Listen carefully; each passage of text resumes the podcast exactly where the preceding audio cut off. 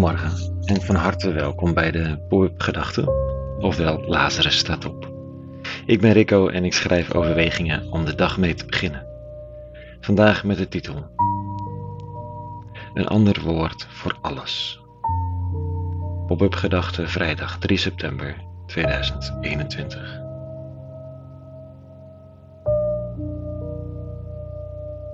Deze dagen luister ik voor het eerst naar een vrij briljant en indrukwekkend theoloog genaamd Richard, Richard Rohr.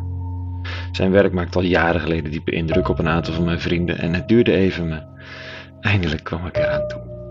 Hij schrijft over de drie eenheid, de goddelijke dans, en over de Christus als een naam, een aanwezigheid, die groter is dan alleen 30 jaar Jezus van Nazareth op aarde. Hoe belangrijk dat ook is. In maart 2019 verscheen zijn boek The Universal Christ. Met ronkende aanbevelingen van types, types als Oprah Winfrey en Bono van U2. En dan blijkt dat er een andere werktitel was voor het boek, althans dat heb ik begrepen, namelijk Another Name for Everything. Voor deze pop-up even vertaald met een ander woord voor alles.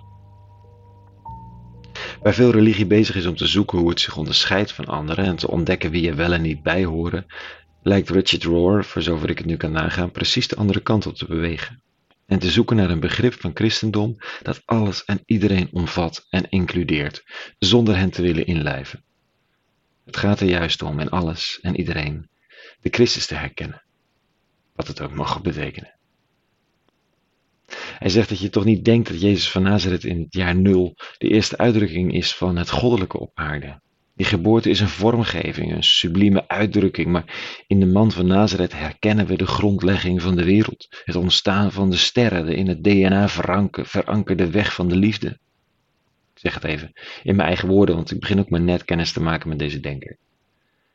En vanochtend lees ik dan Paulus, die schrijft aan vroege christenen in Kolossen en ik hoor dezelfde klanken. Broeders en zusters, schrijft hij. Christus Jezus is het beeld van de onzichtbare God eerstgeborene van heel de schepping. Want in hem is alles geschapen in de hemelen en op de aarde, het zichtbare en het onzichtbare, tronen en hoogheden, heerschappijen en machten.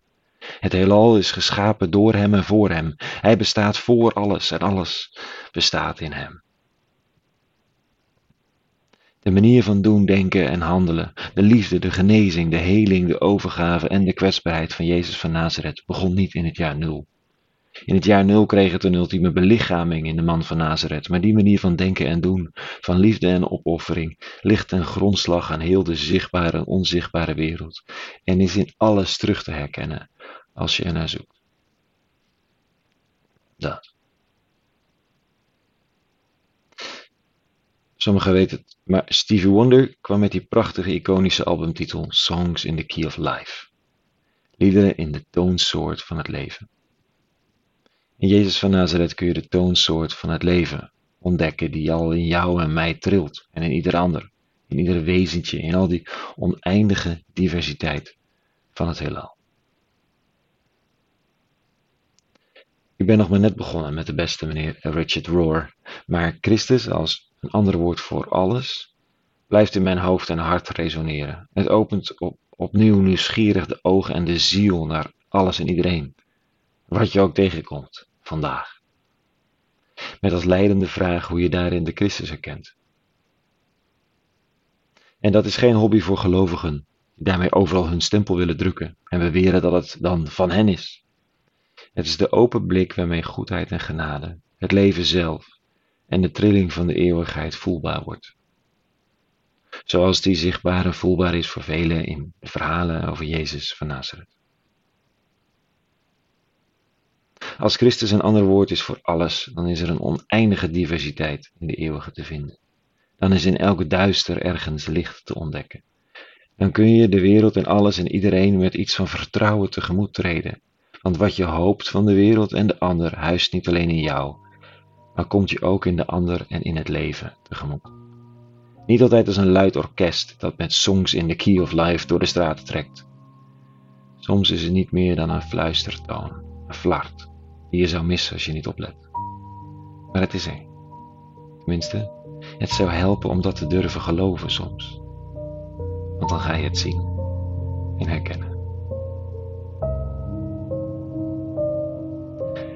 Tot zover vanochtend. Een hele goede vrijdag en een bijzonder goed weekend. Wie je geen touw aan vast kon knopen vanochtend, zou ik vooral oproepen om, net als ik, eens iets te luisteren of te lezen van Richard Rohr. Om dan te ontdekken wat hij jou te brengen heeft. Voor nu, vrede gewenst. En alle goeds.